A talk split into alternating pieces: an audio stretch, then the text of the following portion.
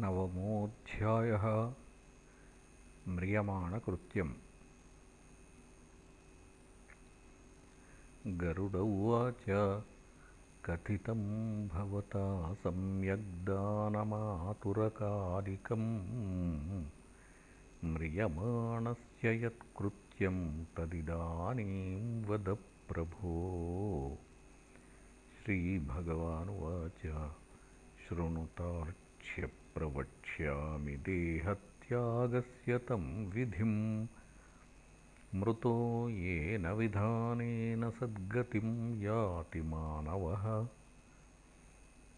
कर्मयोगाद्यदा देहे मुञ्चत्यत्र निजं वपुः।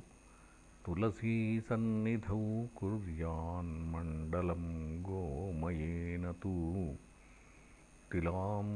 तिलांश्चैव विकीर्याथ दर्भांश्चैव विनिक्षिपेतु।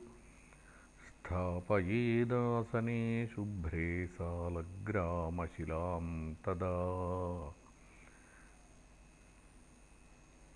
सालग्रामशिला यत्र पापदोषभयापहा तत्सन्निधानमरणान्मुक्तिर्जन्तोः सुनिश्चिता तुलसीविटपिच्छाया यत्रास्ति भवतापहा तत्रैव मरणान्मुक्तिः सर्वदा दानदुर्लभा। तुलसीविटपिस्थानं गृहे यस्यावतिष्ठते।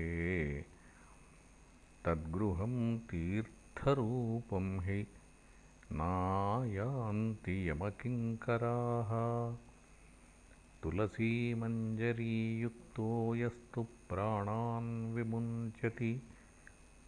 यमस्तं नेक्षितुं शक्तो युक्तं पापशतैरपि। तस्यादलं मुखे कृत्वा तिलदर्भासने मृतं। नरो विष्णुपरं याति पुत्रहीनोऽप्यसंशयः तिलाः पवित्रास्त्रिविधा दर्भाश्च तुलसी तथा। नरं निवारयन्त्येते दुर्गतिं यान्तमातुरम्। मम स्वेदसमुद्भूतायतस्ते पावनास्तिलाः। असुरादानवा दैत्या विद्रवन्ति तिलैस्ततः दर्भाविभूतिर्मेतार्क्ष्य मम रोमसमुद्भवाः।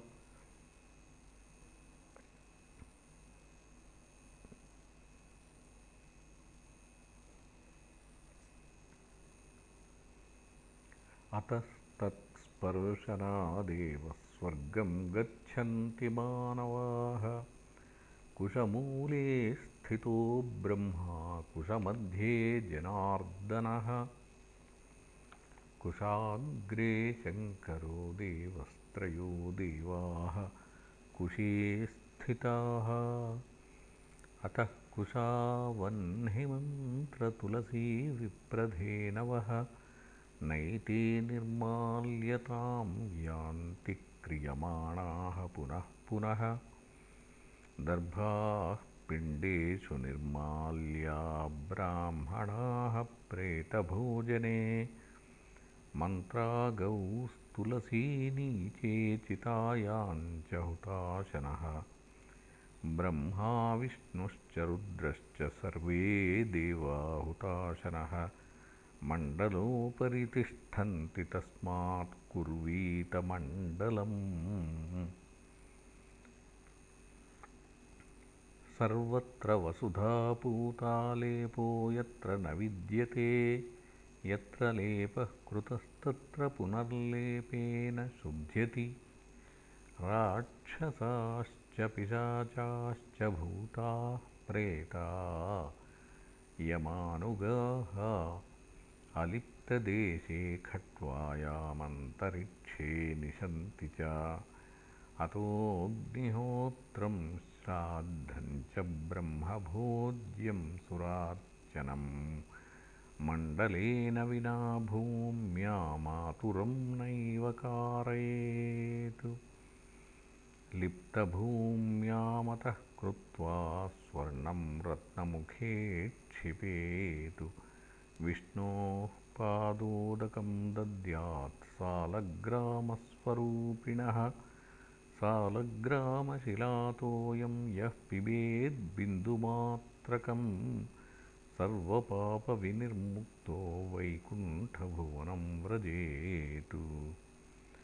ततो गङ्गाजलं दद्यान्महापातकनाशनं सर्वतीर्थकृतस्नानदानपुण्यफलप्रदम् चान्द्रायणं चरेद्यस्तु सहस्रं कायशोधनं।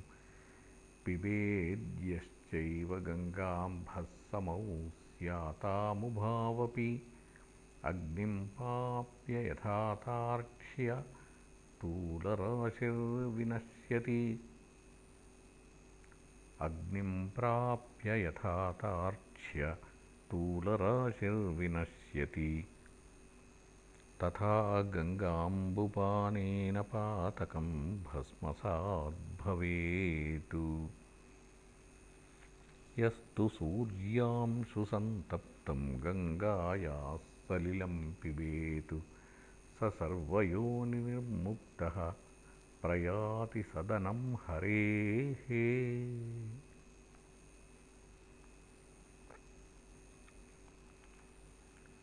सद्यो जलावगाहेन सावयन्तीतरा जनान् दर्शनात् स्पर्शनात् पानात्तथा गङ्गेति कीर्तनात्।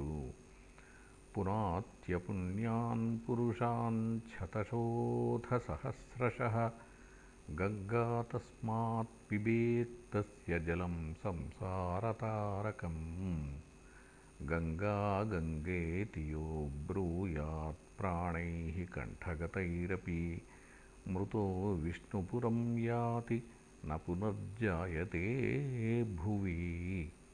उत्क्रामभिश्चयः प्राणैः पुरुषश्रद्धयान्वितः चिन्तयेन्मनसा गङ्गां सोऽपि याति परां गतिम् अतो ध्यायेन्नमेद्गङ्गां संस्मरेत्तज्जलं पिबेत्। ततो भागवतं किञ्चिच्छृणुयान्मोक्षदायकं श्लोकं श्लोकार्धपादं वा योऽन्ते भागवतं पठेत्। न तस्य पुनरावृत्ति तिर्ब्रह्मलोकात् कदाचन वेदोपनिषदां पाठाच्छिवविष्णुस्तवादपि ब्राह्मणक्षत्रियविशां मरणं मुक्तिदायकं प्राणप्रयाणसमये कुर्यादनशनं खग दद्यादातुरसन्न्यासं विरक्तस्य द्विजन्मनः संन्यस्तमपि यो ब्रूयात्प्राणैः कण्ठगतैरपि मृतो विष्णुपुरं याति न पुनर्जायते भुवि। एवं जातविधानस्य धार्मिकस्य तदा खगा ऊर्ध्वच्छिद्रेण गच्छन्ति प्राणास्तस्य सुखेन हि मुखं च चक्षुषी नासे कर्णौ द्वाराणि सप्त च। एभ्यः सुकृतिनो यान्ति योगिनस्तालुरन्ध्रतः। अपानान्मिलितप्राणो यदा हि भवता पृथक्। अपानान्मिलितप्राणो यदा हि भवति पृथक्। सूक्ष्मीभूत् तदा वायुर्विनिष्क्रामति पुत्तलात्।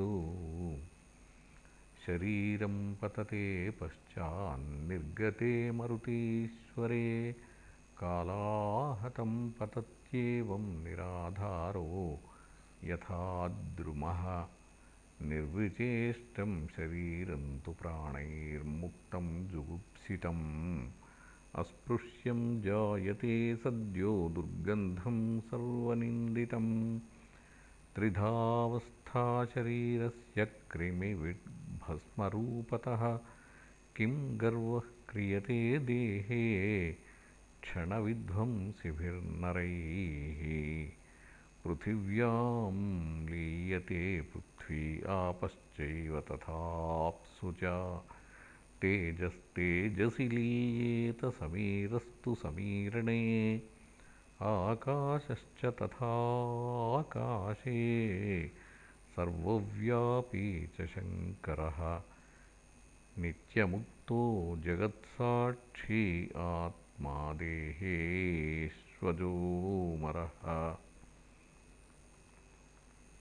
सर्वेन्द्रिययुतो जीवशब्दादिविषयैर्वृतः कामरागादिभिर्युक्तः कर्मः कोशसमन्वितः पुण्यवासनया युक्तो निर्मिते स्वेन कर्मणा स प्रविश्य न वेदेहे गृहे दग्धे यथा गृही तदा विमानमादाय किङ्किणीजालमालियत् आयान्ति देवदूताश्चलसच्चामरशोभिताः।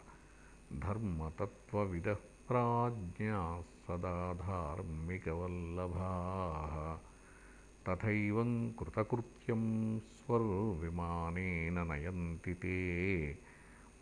सुदिव्यदेहो विरजाम्बरस्रक्सुवर्णरत्नाभरणैरुपेतः। दानप्रभावात् स महानुभावः प्राप्नोति नाकम्। सुरपूज्यमानः।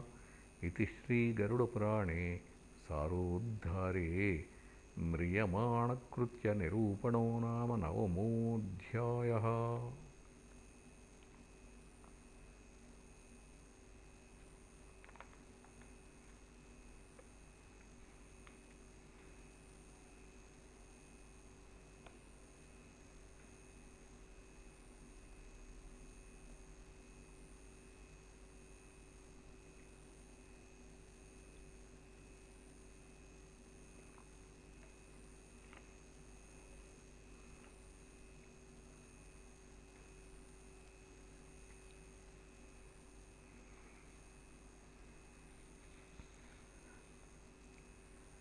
दशमोऽध्यायः।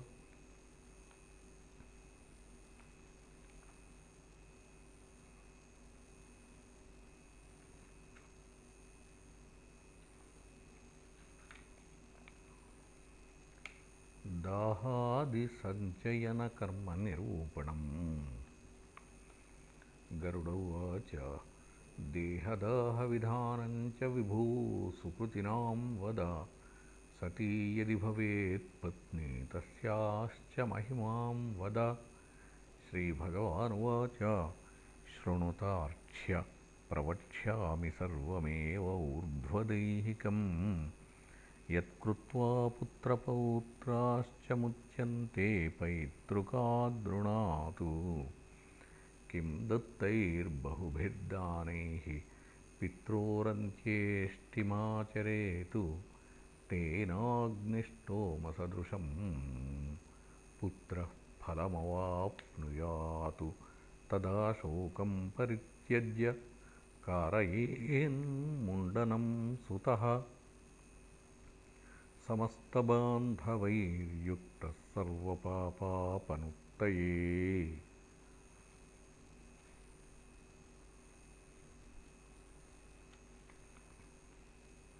मातापित्रोर्मृतौ येन कारितं मुण्डनं न हि आत्मजः स कथमो ज्ञेयः संसारार्णवतारकः।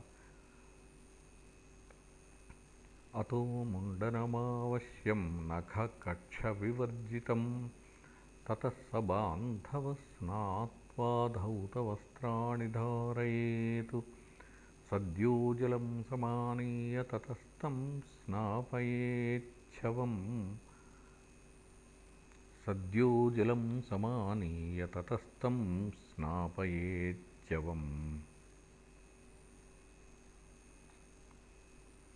मण्डयेच्चन्दनैस्रग्भिर्गङ्गामृत्तिकयाथवा नवीनवस्त्रैः सञ्छाद्य तदा पिण्डं सदक्षिणं नामगोत्रं समुच्चार्य सङ्कल्पेनापसव्यतः।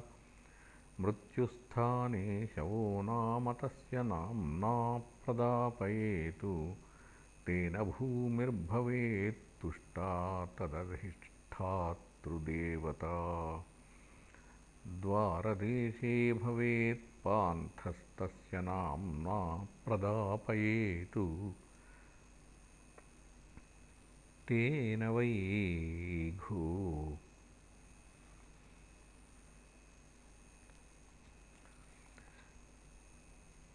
तेन नैवोपघाताय भूतकोटिषु दुर्गताः। ततः प्रदक्षिणं कृत्वा पूजनीयस्नुषादिभिः स्कन्धः पुत्रेण दातव्यस्तदान्यैर्बान्धवैः सह। धृत्या स्कन्धे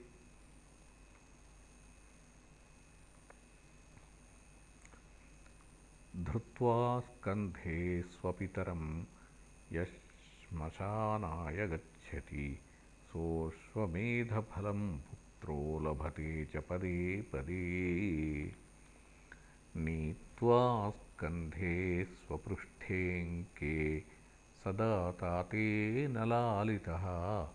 तदैव तदृणान्मुच्येन्मृतं स्वपितरं वहेतु। ततोऽर्धमार्गे विश्रामं सम्मार्ज्याभ्युक्ष्यकारयेतु संस्नाप्यभूतसंज्ञाय तस्मै तेन प्रदापयेतु पिशाचाराक्षसा यक्षा ये चान्ये दिक्षु संस्थिताः तस्य होतव्यदेहस्य नैवायोग्यत्वकारकाः। ततो नीत्वा श्मशानेषु स्थापयेदुत्तरामुखम्। तत्र देहस्य दाहार्थं स्थलं संशोधयेद्यथा। सम्मार्ज्यभूमिं संलिप्योल्लिख्योद्धृत्य च वेदिकाम्।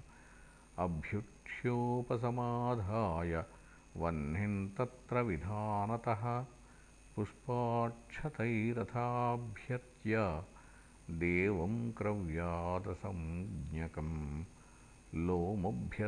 लोमभ्यस्त्वनुवाकेन होमं कुर्याद्यथाविधि त्वं भूतभृज्जगद्योनिस्त्वं भूतपरिपालकः। मृतः सांसारिकस्तस्मादेनं त्वं स्वर्गतिं नय इति सम्प्रार्थयित्वाग्निं चितां तत्रैव कारयेतु श्रीखण्डतुलसीकाष्ठैपलाशाश्वत्थदारुभिः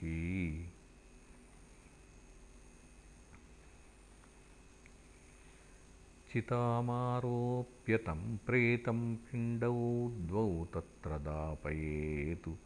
चितायां शवहस्ते च प्रेतनाम्नाखगेश्वर चितामोक्षप्रभृतिकं प्रेतत्वमुपजायते केऽपि तं साधकं प्राहुः प्रेतकल्पविदो जनाः। चितायां तेन नाम्ना वा प्रेतनाम्नाथवा करे। इत्येवं पञ्चभिः पिण्डैः शवस्याहुतियोग्यता अन्यथा चोपघाताय पूर्वोक्तास्ते भवन्ति हि प्रेतो दत्त्वा पञ्चपिण्डान् हुतमादाय तं तृणैः अग्निं पुत्रस्तदा दद्यान्न भवेत् पञ्चकं यदि।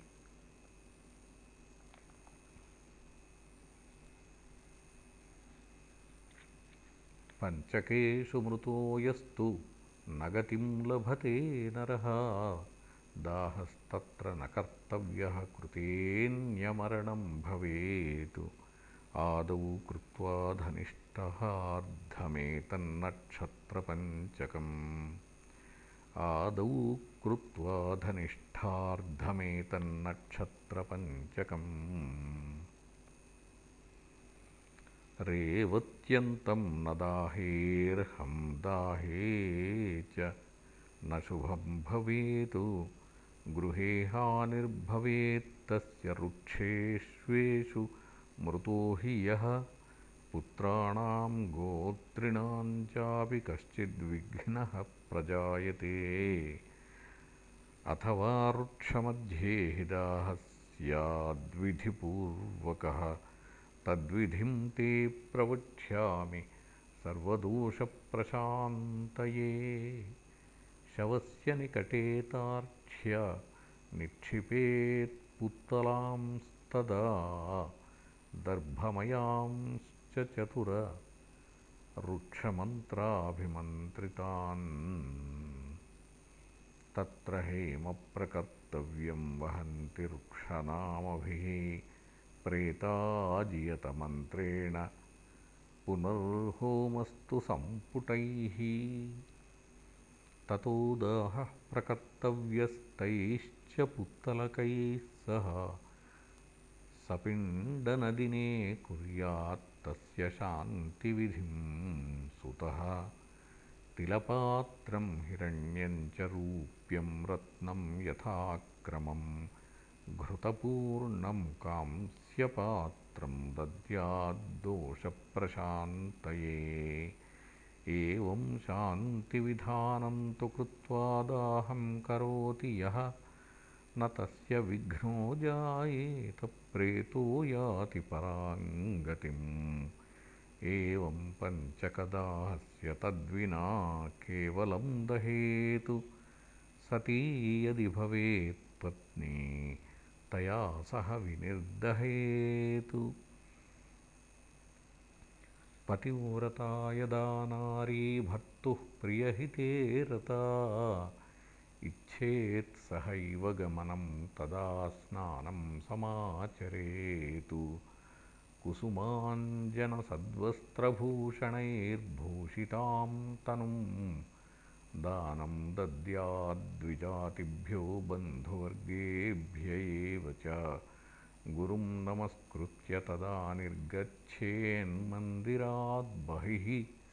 ततो देवालयं गत्वा भक्त्या तं प्रणमेद्धरिम्।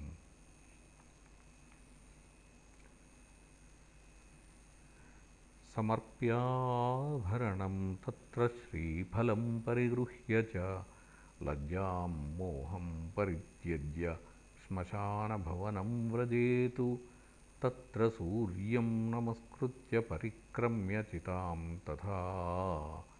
पुष्पशय्यां तदारोहेन्निजाङ्के स्वापयेत् पतिम्। सखीभ्यः श्रीफलं दद्याद्दाहमाज्ञापयेत्ततः गङ्गास्नानफलं ज्ञात्वा शरीरं परिदाहयेतु। न दहेद्गर्भिणी नारी शरीरं पतिना सह जनयित्वा प्रसूतिं च बालं पोष्य सती भवेत्। शरीरं दहते यदि अग्निर्दहति गात्राणि नैवात्मानं प्रपीडयेत् दह्यते ध्मायमानानां धातूनां च यथा मलः तथा नारी दहेत्पापं हुताशेह्यमृतोपमे दिव्यादौ सत्ययुक्तश्च शुद्धो धर्मयुतो नरः। यथा न दह्यते तप्तलोहपिण्डेन कर्हिचित् तथा सा पतिसंयुक्ता दह्यते न कदाचन। अन्तरात्मात्मना भर्त्रामृतेनैकत्वमागता यावच्चाग्नौ मृते पत्यौ स्त्रीणात्मानं प्रदाहयेतु। तावन्नमुच्यते सा हि स्त्रीशरीरात् कथञ्चन। तस्मात् सर्वप्रयत्नेन स्वपतिं सेवयेत् सदा। कर्मणा मनसा वाचा मृते जीवति तद्गता। मृते भर्तर्या नारी समारोहेद्धुताशनम् सारुन्धती समा भूत्वा स्वर्गलोके महीयते तत्र सा भर्तृपरमास्तूयमानाप्सरोगणैः रमते पतिना सार्धं यावदिन्द्राश्चतुर्दश।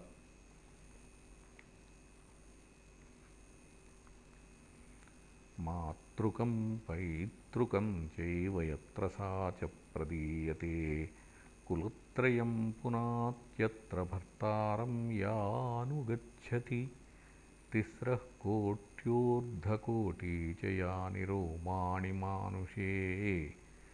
तावत्कालं वसेत् स्वर्गे पतिना सह मोदते। विमाने सूर्यसङ्काशे क्रीडते रमणेन सा।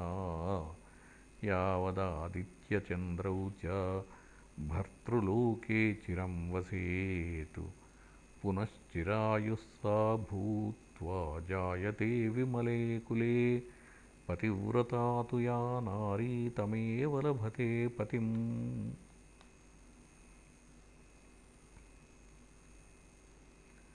या क्षणं दाहदुःखेन सुखमेतादृशं त्यजेतु सा मूढा जन्मपर्यन्तं दह्यते विरहाग्निना तस्मात् पतिं शिवं ज्ञात्वा सह तेन दहेत्तनुं यदि न स्यात् सतीतार्क्ष्य तमेवं प्रदहेत्तदा।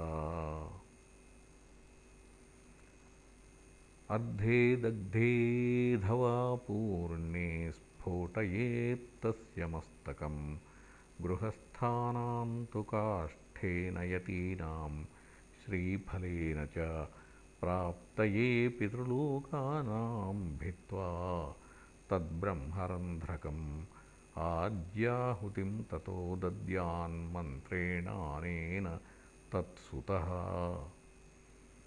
अस्मात् त्वमधिजातोऽसि त्वदयं जायतां पुनः आसौ स्वर्गाय लोकाय स्वाहाद्यतु आसौ स्वर्गाय लोकाय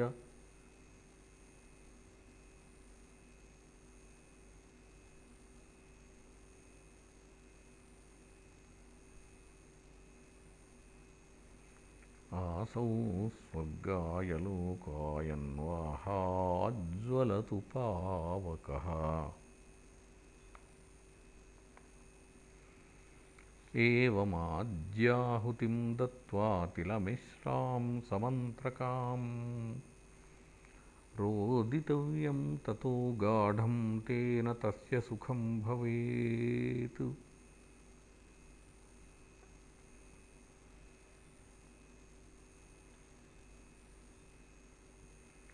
दाहादनन्तरकार्यं स्त्रीभिः स्नानं ततः सुतैः तिलोदकं ततो दद्यान्नामगोत्रोपकल्पितम् प्राशयेन्निम्बपत्राणि मृतकस्य गुणान् वदेतु। स्त्रीजनोऽग्रे गृहं गच्छेत्पृष्ठतो नरसञ्चयः गृहे स्नानं ततः कृत्वा गोग्रासञ्च प्रदापयेतु पत्रावल्याञ्च भुञ्जीयाद्गृहान्नं वै न भक्षयेतु। मृतकस्थानमालिप्य दक्षिणाभिमुखं ततः द्वादशाहकपर्यन्तं दीपं कुर्यादहर्निशं सूर्येस्तमागते तार्क्ष्य श्मशाने वा चतुष्पथे दुग्धं च मृण्मये पात्रे तोयं दद्वाद्दिनत्रयम्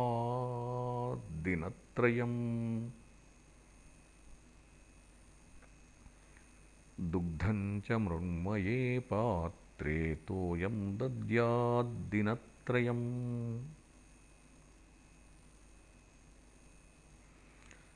अपक्वं मृण्मयं पात्रं क्षीरनीरप्रपूरितं काष्ठत्रये गुणैर्बद्धे धृत्वा मन्त्रं पठेदिमम् श्मशानानलदग्धोऽसि परित्यक्तोऽसि बान्धवैः। इदं नीरमिदं क्षीरमत्र स्नाहि। मितं पिब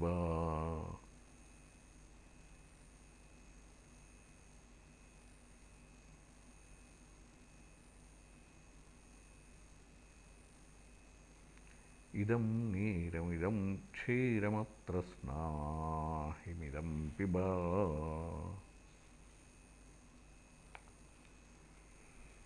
चतुर्थे सञ्चयः कार्यः साग्निकैश्च निरग्निकैः तृतीयेन्हि द्वितीये वा कर्तव्यश्चाविरोधतः गत्वा श्मशानभूमिं च स्नानं कृत्वा शुचिर्भवेत् ऊर्णसूत्रं वेष्टयित्वा पवित्रं परिधाय च दद्याच्छमशानवासिभ्यस्ततो माशबलिं सुतः यमायत्वेति मन्त्रेण तिस्रः कुर्यात्परिक्रमाः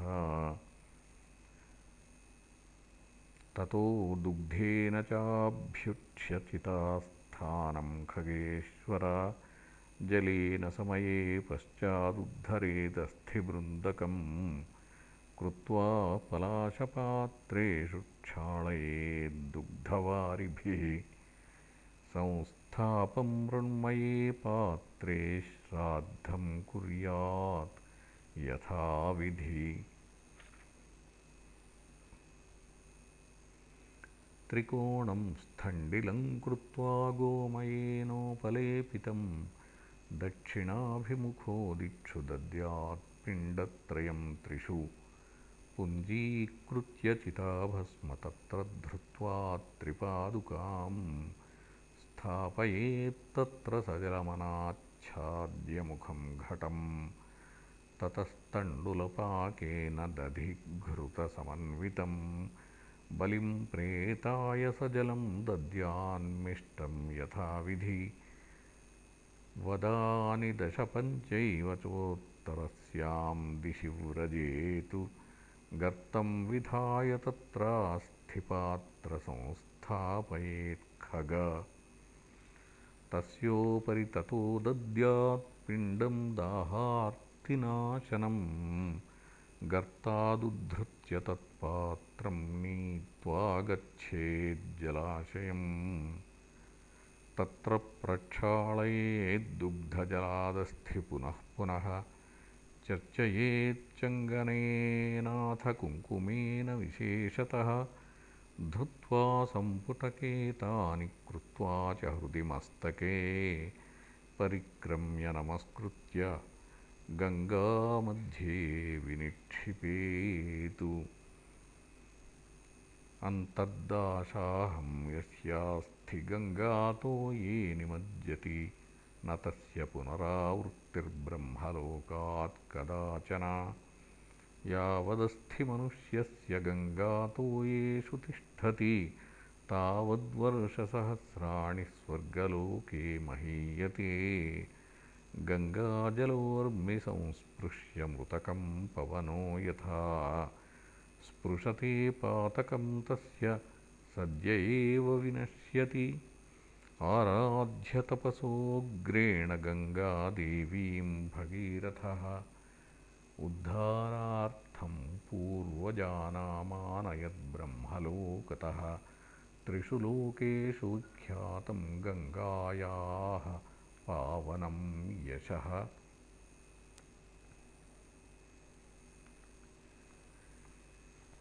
या पुत्राः सगरस्यैतान् भस्माख्याननयद्दिवं। पूर्वे वयसि पापानि ये कृत्वा मानवामृताः। गङ्गायामस्थिपतनात् स्वर्गलोके प्रयान्ति ते। कश्चिद्व्याधो महारण्ये सर्वप्राणिविहिंसकः। सिंहेन निहतो यावत्प्रयाति नरकालये तावत्कालेन तस्यास्थिगङ्गायां पातितं तदा। दिव्यं विमानमारुह्य सगतो देवमन्दिरम्। अतः स्वमेव सत्पुत्रो गङ्गायामस्थिपातयेतु। अस्थिसञ्चयनादूर्ध्वं दशरात्रं समाचरेत् अथ कश्चिद्विदेशे वा वने चोरभये मृतः। न लब्धस्तस्य देहश्चेच्छृणुयाद्यद्दिने तदा। दर्भपुत्तलकं कृत्वा पूर्ववत् केवलं दहेतु। तस्य भस्मसमादाय गङ्गातो ये विनिक्षिपेतु दशरात्रादिकं कर्म तद्दिनादेव कारयेतु स एव दिवसोऽग्राह्यश्राद्धे सांवत्सरादिके पूर्णे गर्भे मृता नारी विदार्यजठरं तदा। बालं निष्कास्य निक्षिप्य भूमौ तामेव दाहयेतु गङ्गातीरे मृतं बालं गङ्गायामेव पातयेतु। अन्यदेशे क्षिपेद्भूमौ सप्तविंशतिमासजम् अतः परं दहेत्तस्य गङ्गायामस्थिनिक्षिपेतु जलकुम्भश्च दातव्यो बालानामेव भोजनम् गर्भे नष्टे क्रिया नास्ति दुग्धं देयं मृते शिशौ। घटं च पायसं भोज्यं दद्याद्बालविपत्तिषु कुमारे च मृते बालान् कुमारानेव भोजयेतु स बालान् भोजयेद्विप्रान् पौगण्डे सव्रते मृते मृतश्च पञ्चमादूर्ध्वमव्रतः सव्रतोऽपि वा। पायसेन गुडेनापि पिण्डान् दद्याद्दशक्रमात्। एकादशं द्वादशं च वृषोत्सर्गविधिं विना। महादानविहीनं च पौगण्डे कृत्यमाचरेतु। जीवमाने च पितरि न पौगण्डे सपिण्डनम्। अतस्तस्य द्वादशाहन्येकोद्दिष्टं समाचरेतु। स्त्रीशूद्राणां विवाहस्तु व्रतस्थाने प्रकीर्तितः। व्रतात् प्राक् सर्ववर्णानां वयस्तुल्या क्रिया भवेत् स्वल्पात् कर्मप्रसङ्गाच्च स्वल्पाद्विषयबन्धनात् स्वल्पे वयसि देहे च क्रियां स्वल्पामपीच्छति। किशोरे तरुणे कुर्याच्छर्या वृषमखादिकम् पददानं महादानं गोदानमपि दानयेत् यतीनां चैव सर्वेषां न दाहो नोदकक्रिया दशरात्रादिकं तेषां न कर्तव्यं सुतादिभिः दण्डग्रहणमात्रेण नरो नारायणो भवेत् त्रिदण्डग्रहणात् तेषां प्रेतत्वं नैव जायते ज्ञानिनस्तु सदा मुक्तास्वरूपानुभवेन हि अतस्ते तु प्रदत्तानां पिण्डानां नैव काङ्क्षिणः। तस्मात् पिण्डादिकं तेषां न तु नोदकमाचरेतु। तीर्थश्राद्धं गयाश्राद्धं पितृभक्त्या समाचरेतु हंसं परमहंसं च कुटीचकबहूदकौ। एतां सन्न्यासिनां तार्क्ष्य पृथिव्यां स्थापयेन्मृतान्। गङ्गादीनामभावेऽपि पृथिव्यां स्थापनं स्मृतं यत्र सन्ति महानद्यस्तदा तास्वेव निक्षिपेतु इति श्रीगरुडपुराणे सारोद्धारे दाहास्थिसञ्चयनकर्मनिरूपणो नाम दशमोऽध्यायः